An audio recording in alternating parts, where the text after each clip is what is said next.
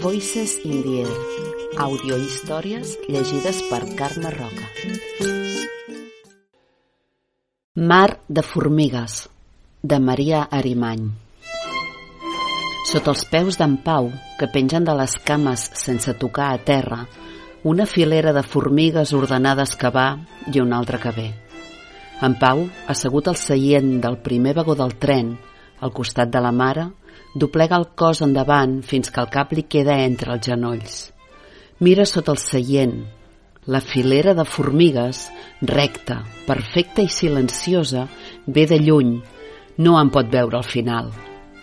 D'un salt, posa els peus a terra i s'ajup per mirar sota el seient del davant, on no hi seu ningú. Una paperina de patates fregides, rebregada i oliosa. Les formigues hi entren, carreguen i se'n van tren enllà. La mare que l'estira del coll de la samarreta. Què fas, rei? Puja, que t'embrutaràs. I en Pau, que s'asseu al seient i mira per la finestra i escolta la veu que diu «Propera parada» i calla uns segons. Sant Adrià del Besòs. A través del vidre brut, els cartells vermells amb el nom de la parada i l'estació color bordeus, plena de grafitis. S'hi apropen, ara a poc a poc, fins que el tren, amb l'esbufec de qui no pot més, s'atura del tot i s'obren les portes. En Pau, que gira el cap en direcció a la porta del darrere, per on entra un baf calent i humit que se li enfila per les cames, se li escola per les bermudes i se li enganxa a l'entrecuix. Dues dones que pugen al vagó amb els braços entrellaçats. La més jove s'asseu davant la mare, al seient del passadís, i l'altra, el de la finestra, cara a cara amb en Pau. Tenen la cara negra, els braços negres, els palmells de les mans rosats. Duen trenes fines i negres i vestits acolorits. La jove groc amb sanefes daurades i l'altra blau amb esquitxos verds i de sota la vora dels vestits els surten unes cames negres i unes sandàlies de cuir amb els dits negres i ungles dures. En Pau que mira les dones, i la jove que li fa una ganyota divertida i avergonyit perquè l'ha enxampat mirant-la, abaixa el cap i veu les formigues i escolta darrere seu la porta que connecta amb el segon vagó i la veu del revisor que diu els del primer compartiment. Bon dia, ensenyin-me el bitllet. Intueix la suor freda i agra que li regalima per les patilles grises. El revisor, que s'acosta on són ells, i abans que pugui dir res, la mare ja té els bitllets a la mà. Tingui! En mira un i després l'altre. La mare, amb l'orgull d'una dona com cal, amb la bossa damunt les cuixes i el parasol apuntalat al passadís, agafat amb la mà esquerra, diu «Gràcies», quan el revisor li torna els bitllets. I en Pau que, a la vegada que el revisor, clava els ulls a les dones del davant i elles que xerren de vés a saber què en vés a saber quina llengua. El revisor que s'escura la gola i en Pau que li sembla que ho fa per cridar l'atenció de les dones i elles que, indiferents, segueixen enraonant i rient. El revisor que es posa nerviós i els regalims de suor que se li escorren pel coll de la camisa i hi torna i la jove se'l mira i aixeca les espatlles i li ensenya els palmells rosats, com volent dir, no l'entenc, no sé de què em parla. Propera parada, silenci. Badalona. En Pau que balanceja els peus i les bambes blaves que es gronxen endavant i enrere i la mare que percep que això no acabarà bé posa la mà lliure de parasol sobre el genoll d'en Pau i diu «Para!» i quan veu que les cames d'en Pau estan quietes, retira la mà i s'estreny la bossa contra el pit, com si li fes por que li anés a terra. Que tinc cara d'idiota, jo?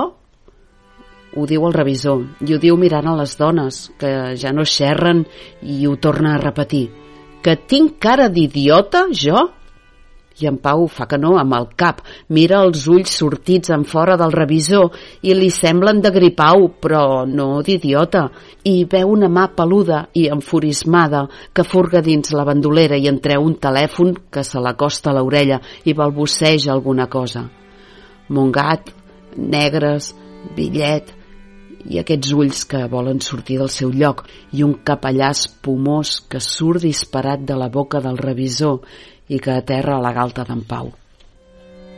Dos homes dins una roba aspra i gruixuda que entren al vagó i s'acosten al revisor. En Pau que llegeix Seguretat en lletres blanques a l'esquena i veu unes porres negres que els pengen de la cintura. Un que és alt i corpulent i l'altre que esquifit i calp. El revisor, que assenyala les dues dones i el xivarri del vagó que va apaivagant-se. Algun murmuri que s'escolta aquí i allà i les cames nervioses d'en Pau que volen fer el balancí però que ja no poden i els seus ulls que salten de la jove a l'altre, de l'altre al revisor, del revisor al corpulent i del corpulent al calp i que capten l'atenció, una atenció glaçada enmig de la xafogó del tren. I tot que passa molt de pressa. Com un director d'orquestra, el revisor fa un gest amb la mà i el corpulent estira el braç de la dona, que queda dret al passadís, i acostant-s'hi molt, la du fins on hi ha les portes, mentre el calp es posa dins el compartiment per arribar a l'altre, que s'estreny contra el vidre de la finestra. El calp que l'atrapa i la porra negra que queda a l'alçada dels genolls d'en Pau, i aquest que estira la mà per tocar-la i és freda i suau i quan la mare se n'adona li agafa la mà i diu «Estigues quiet!» i ell la retira i pot sentir la por dins el pit que li batega amb força i el silenci que li ressona fort a les orelles.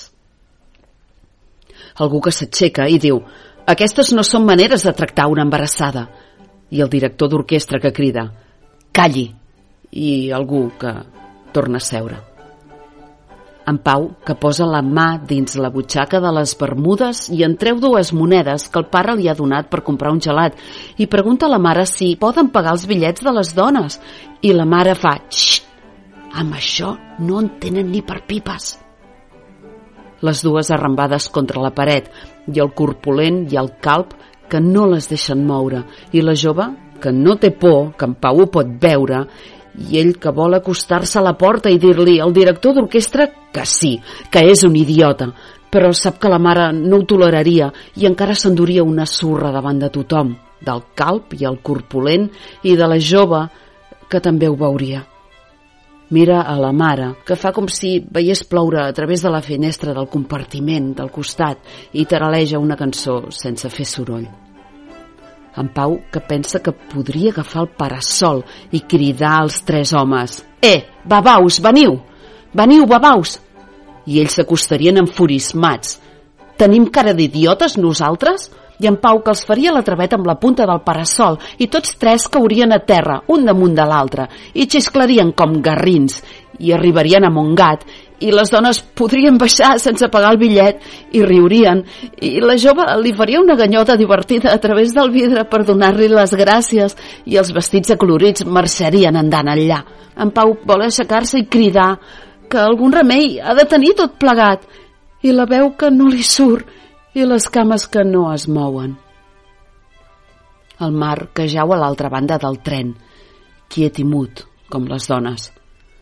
Fosc, fred i suau com les porres, brillant com la templa del revisor i immens com la por instal·lada en el silenci indiferent de la mare i dels demés viatgers i immens també com la ràbia d'en Pau que no sap d'on ve però que la nota als punys tancats a les dents serrades i els llavis premuts. En Pau que posa la mà a la bossa de la mare i en treu el moneder la mare que cantusseja i en Pau que en treu un bitllet de 5 euros. La mare que l'enxampa i... Què fas? Que vols que acabem rebem nosaltres també? I d'una revolada li pren el bitllet i l'entafora dins el moneder i aquest dins la bossa.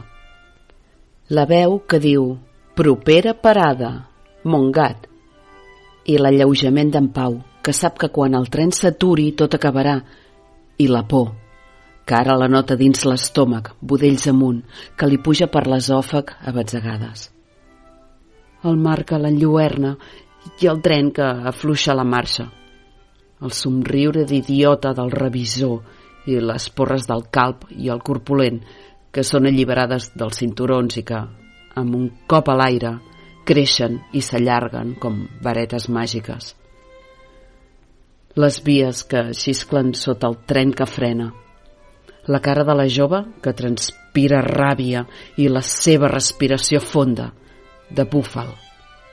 L'altra que la té agafada del braç i les portes que s'obren i la jove que escup a l'ull del revisor i aquest que crida «Puta! Puta! Negra i puta!» mentre s'aixuga el gargall amb un mocador i en Pau que es tapa les orelles i que no vol veure però que no pot deixar de mirar, i les porres del calp i el corpulent que cauen sobre els caps de les dones i ara són elles que criden, i les porres també criden, colpejant els cossos negres i els esquitxos verds i les sanefes daurades, i la jove que es protegeix la panxa abraçant-la amb els braços i l'altra que es tapa el cap.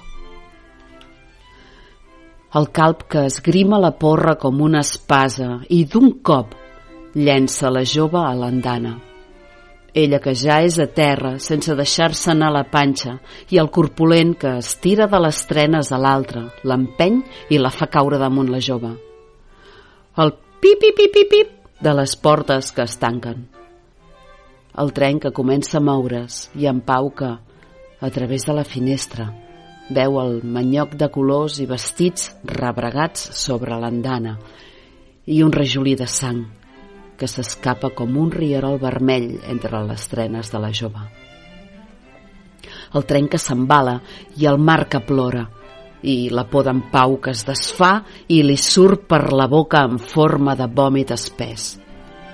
I el silenci que es va transformant en murmuri i el murmuri que es torna xivarri i el vòmit d'en Pau que ha caigut damunt la filera de formigues esgarrant el seu anar i venir mecànic i en Pau que s'aixuga la boca amb la samarreta i la mare que diu això et passa per no parar quiet i les formigues que, embogides pel destorb, es mouen cap a tot arreu sense saber què fan. Unes s'acosten al vòmit i d'altres en fugen i alguna hi ha quedat atrapada i belluga les potetes per desenganxar-se'n. La mare que treu de la bossa la tovalloleta i intenta aixugar el desastre i la tovalloleta que encara desorienta més a les formigues que ja no poden parar quietes. El calp i el corpulent, que ja no hi són, i el revisor, que mira amb desgana la mare i aquesta que abaixa la mirada i murmura un «disculpi» i el tren que s'ha aturat a Montgat Nord i que ja arrenca. El revisor, que continua demanant bitllets, i en Pau, que ja no té por i es pregunta si la ràbia també pot desaparèixer tan fàcilment amb una glopada. I el mar, que el mira, i ell que mira al mar, i les guspires platejades que tremolen damunt l'aigua. El crit sec i agut de la mare i la seva mà oberta que pica contra el turmell. Coi de formiga! I la formiga aixafada que cau a terra i el peu de la mare que no en té prou i aixafa amb fúria el garbuix de formigues. Au, anem, Pau! I s'aixequen i se'n van fins a les portes. Propera parada, silenci. El Masnou. Baixen del tren, travessen l'andana i quan arriben a la sorra, en Pau, que es treu les bambes i arrenca a córrer cap a l'aigua, i ell, i la ràbia i el record de les dones, de les trenes i els vestits, dels putes i de les porres i els silencis. Tots es capbussen dins el mar i es refresquen en la immensitat, petits com formigues. I quan en Pau en surt, enganxada a la pell amb la sal i la sorra, només hi queda la ràbia.